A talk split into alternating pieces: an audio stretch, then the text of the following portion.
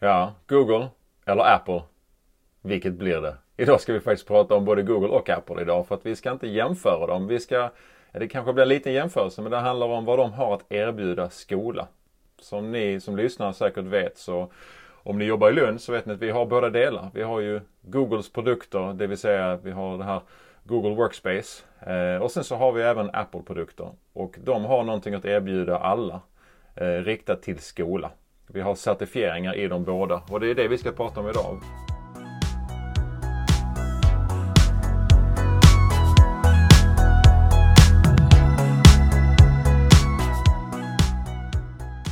Vad är, vad är de här för några och eh, på vilket sätt kan de hjälpa och hur kommer man igång? Kanske vi också kommer att prata om. Så det är vitt och brett om de här gratis eh, erbjudandena om fortbildningsmaterial.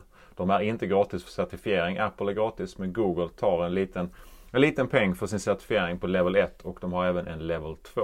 Eh, om man googlar på Google-certifiering och kommer in på deras eh, lärarcenter med olika kurser så något nytt jag upptäckte nu det var att dels har de den här certifieringen för level 1 och level 2 fast de kallar det nybörjarnivå och avancerad nivå.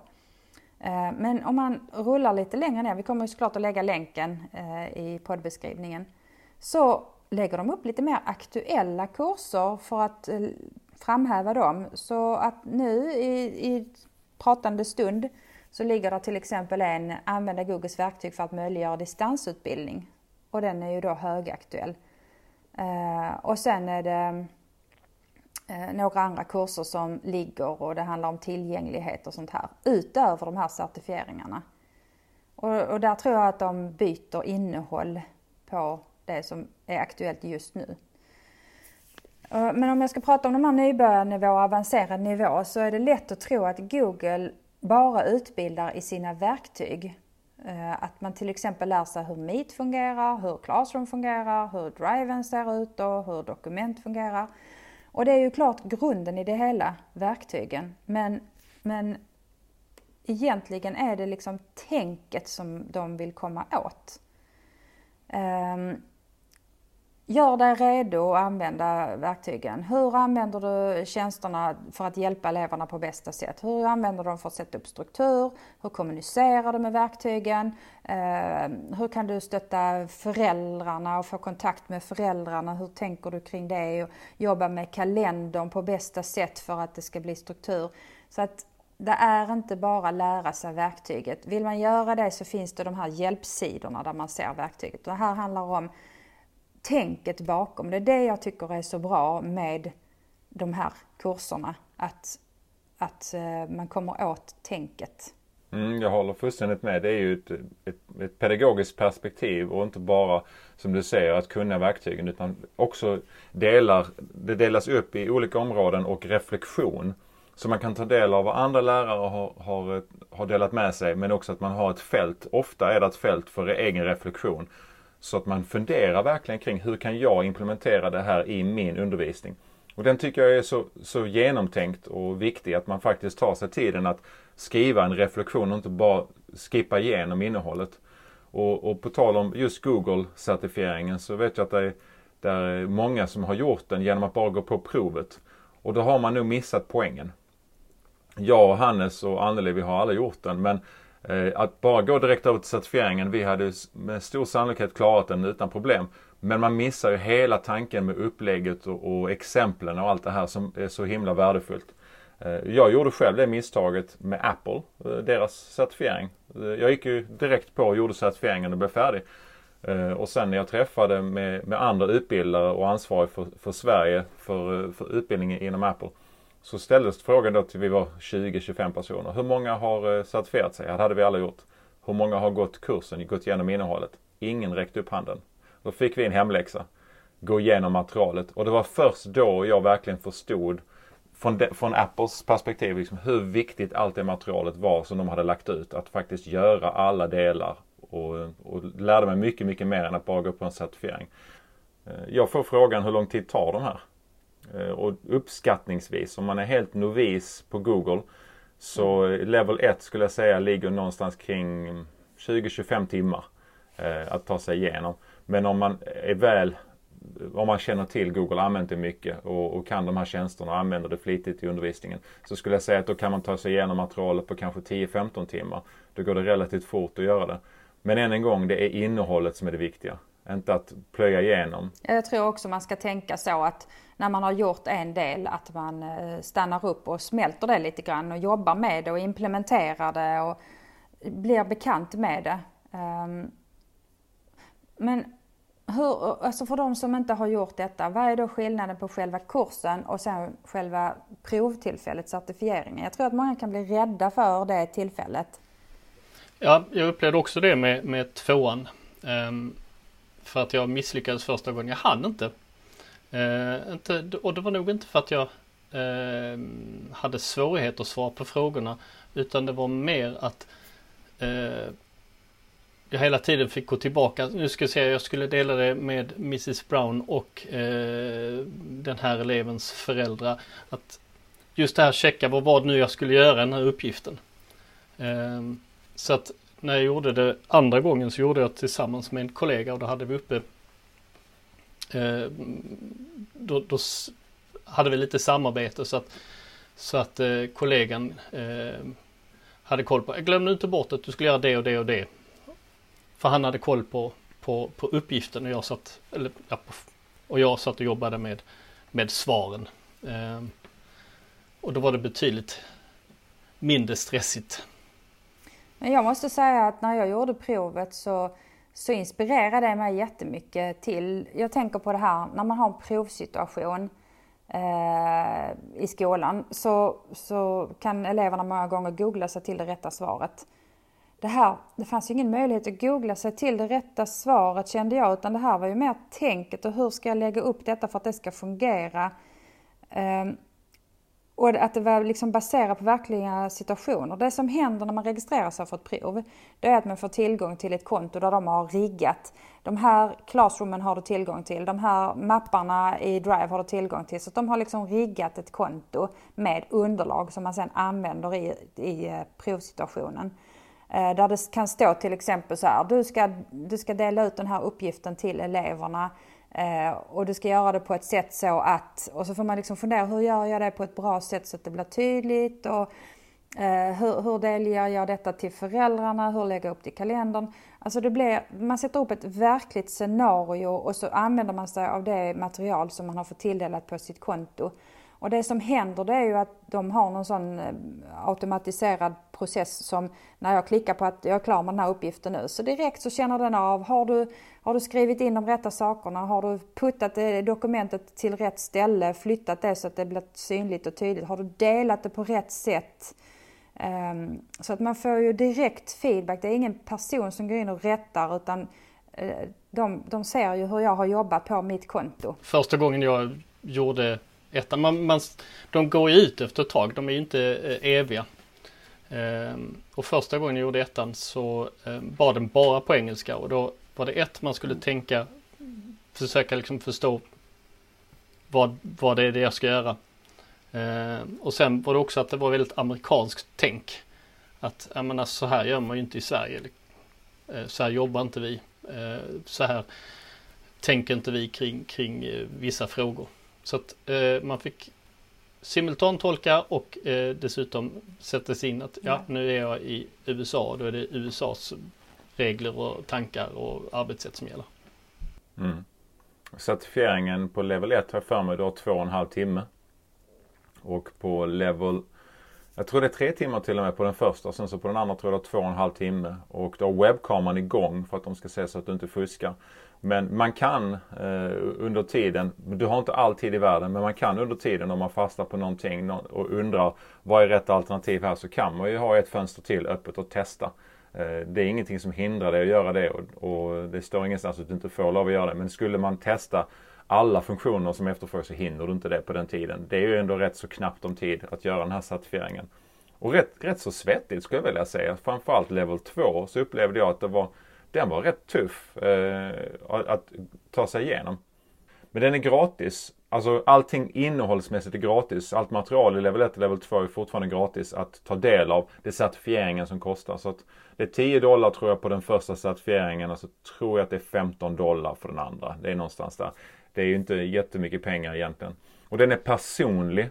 Det vill säga man måste ha ett personligt Google-konto. Man loggar inte in med sitt skol-Google-konto utan använder ett privat konto. För det här är en privat handling du tar med dig om du skulle sluta på din arbetsplats eller när du visar upp det. Så det är inte kopplat till din arbetsplats. Ja, då kan vi glida in på eh, Apple Teacher. Ehm, och där är liknande, men jag skulle nog vilja säga att den är enklare. Ehm, den är väl egentligen Google Level 1 och Apple Eh, är väl ungefär likvärdiga men de skiljer sig ganska mycket för att Apple tar eh, rätt så mycket exempel, eller tar egentligen bara exempel utifrån iPad och deras egna appar. Eh, Google har mycket bredare i, sitt innehåll rent pedagogiskt. Men det handlar ju om att lära sig iPaden i, grundläggande och hur man använder Pages, Keynote, Garageband, iMovie. Jag tror att Clips också är med. Jag är inte osäker men att den finns med. Men hur som helst så är det Apple-relaterade grejer de, som de visar. Men de är lika viktiga ändå att veta de här funktionerna och det är exempel på hur man kan använda dem i undervisningen. Men inte fullt lika mycket som Google. Google går bredare in i undervisningen och mer reflekterande och de bitarna. Så där, där, tycker jag att de har gjort ett bättre jobb för att koppla det till undervisning. Där Apple har gått in mer på det tekniska och, och snygga. Det hade de kunnat göra lite mer. Men de har en lärportal. När man loggar in på Apple Teacher eh, så är det en lärportal där man kan ta del av andras exempel och den uppdateras. Likt det som Anneli nämnde om Google, att det finns mer information längre ner på sidan om till exempel fjärrundervisning och så, så har även Apple lagt upp löpande olika typer av inspiration och resurser. Och de har också kopplat eh, Twitter eh, till den så att eh, EduChat eller eh, Apple EduChat om man kollar den hashtaggen på Twitter så kan man se jättemånga exempel från hela världen där folk har lagt upp hur man kan jobba med Keynote, Pages, Garageband, iMovie. Det ligger massor med bra exempel. Så att de har ju flätat ihop det ganska snyggt med vad eh, ADE, alltså Apple Distinguished Educators, lägger ut på Twitter. Varje tisdag kväll, svensk tid klockan 21, så drar det igång. Apple Educational Chat, är det ju chatt och det är mycket, mycket, mycket information. Men sen de personerna som figurerar där som delar med sig mycket, de ser man också i Apple Teacher. De delar med sig av innehåll och så. Så att de eh, visas upp därmed. Jag gillar det jättemycket hur Apple har tänkt men de skiljer sig lite grann. Men jag skulle säga ungefär lika lång tid skulle det ta att bli Apple Teacher som Google nivå 1. Eh, skillnad, en stor skillnad är ju att eh, eh Google eh, certifiering eller ja, är eh, ett helhetskoncept kan man säga. Det är hela verktyget. Eh, Apple är ju moment eller funktion för funktion. Eh, för du får en badge om du klarar kreativitetsgrejen. Du har en badge för, för eh, Garageband, ett för iMovie och så vidare. Och det finns både iPad mm. och för macken. Tidigare var det böcker man skulle ladda ner för att eh, göra de här momenten. Eh, så det var kopplat, där man gjorde testerna var kopplat till eh, uppgifter från boken. Eh, numera har de lagt allting på Apple Teacher på deras hemsida och bantat faktiskt. Eh, det är inte likadant strukturerat med uppgifter och, och, och ladda ner en bok och jobba med den bok, alltså Pages-dokument och liknande. De har ändrat det en del. Men med det sagt så har de faktiskt andra böcker kvar som de lägger ut och det är Alla kan skapa. Och det är inte kopplat till Apple Teacher men det är också resurser för lärare. Alla kan skapa finns för alla kan skapa teckning, alla kan skapa video, foto och eh, har vi musik. Eh, så att alla de här fyra böckerna finns och en lärarhandledning. Och den lärarhandledningen är där över hundra exempel på hur man kan jobba med skapande processer med iPad. Så att om du inte har redan stött på den, ladda gärna ner. Den är gratis. Alla kan skapa, finns i fyra böcker plus en lärarhandledning. Där är massor med material och då är man Apple Teacher så vet man hur man gör. Och sen kommer exempel på hur du skulle kunna utveckla det här vidare i undervisningen. Så att där, där får man ju in mycket mer av det som Google gör i sitt, eh, i sitt material. När man tar del av alla kan skapa-delen. Och där är de väldigt tydliga, tycker jag, att Apple har fokus på kreativiteten. Eh, hur man kan skapa, hur, hur, du kan vara producent istället för konsument och så. Medan Google fokuserar väldigt mycket på produktivitet, eh, rita och presentera, samarbete, en stor bit. Och med det sagt så har ju även Google, Google är ju kopplat till ett konto där man kan samarbeta och lagra. Apple nämner ingenting kring det de också har. De har ju Apple-iden till utbildning. Så att om man är som skola eller kommun har tecknat sig för ett Apple School Manager-konto, nu blir det väldigt tekniskt här, men när man är ansluten till det så köper man sina Apple-produkter så de kommer in i ett system. Men man kan också få ett Apple-id till varje elev och varje pedagog, säkerställa lagring av data, radering av data, men också där kan samarbeta. Men det är väldigt lite av den biten i Apples eh, delar om samarbete. De finns där men det, fokus ligger inte där. F där är ett stort fokus på det i Googles delar, samarbetsdelarna. På det viset kan man väl säga att de kompletterar varandra. För att man jämför ju ofta Apple och Google men jag känner att det är jättebra att ha gått båda de här två delarna för att de kompletterar varandra. Precis som du beskrev här nu att de har olika olika ingångar i olika sätt. Så jag gillar att man kan hitta, man, man vet båda verktygen och sen så kan man hitta vad som passar för just det här arbetsmomentet och så blandar du. Och så ser du att kanske samarbetsmomentet är viktigt nu, då kör man ett Google-dokument. Men den färdiga produkten kanske man gör i ett Pages-dokument för att det ska sedan användas i ett annat sammanhang eller det ska bli en film och så här. Att man lär sig använda flera bitar för att sen veta vad som passar bäst.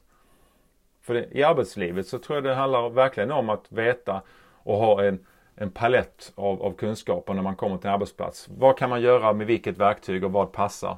Eh, för att, för att det ska bli det man har tänkt sig, det resultatet man är ute efter. Eh, det är farligt om man jobbar bara, tänker jag, man jobbar bara i ett enda verktyg och sen kommer in på arbetsmarknaden och har bara erfarenhet av ett verktyg.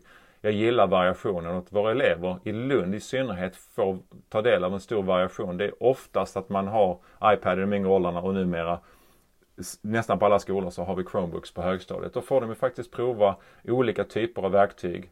Och man, vi fyller på med iPads på högstadiet för att kunna jobba med det kreativa. Eh, jag gillar det och kan vi då få lärarna med oss, men eleverna också. Digitala ambassadörer, ha elever som har certifierat sig. Det tror jag bygger en, en väldigt stabil grund för, för skolan och ett stöd i, i undervisningen för lärarna att det finns elever som också kan och har certifierat sig för de här utbildningarna. Men om vi nu pratar om konto. Eh, om man googlar upp den här eh, Google-utbildningen och tittar på den så behöver man inte logga in utan man kan gå hela kursen och, och titta på allt material utan att vara inloggad, utan att ha ett Google-konto. Däremot själva certifieringen, då måste man ha ett konto. Apples material, där måste man väl ha ett Apple ID för att komma åt. Så man, redan när man söker upp portalen så begär den att man loggar in och sen kan man komma åt det på Eh, jag tänkte på en sak, incitamentet, eh, motivering eller motivationen till att kunna göra de här. Jag vet att på en av mina skolor i mitt skolområde så var kravet att få en iPad eh, som arbetsverktyg så skulle man vara eh, Apple-certifierad. Eh, alltså Apple Teacher. Och då fick man låna den under tiden som man gjorde det här men man fick inte behålla den om man inte kunde visa upp att man var en Apple Teacher än en gång viktigt att ta sig igenom materialet, inte bara gå på certifieringen. Men eh, jag tyckte det var en intressant vinkling för det blev att alla pedagoger är idag, detta är 4-6, eh, alla pedagoger är idag Apple Teacher.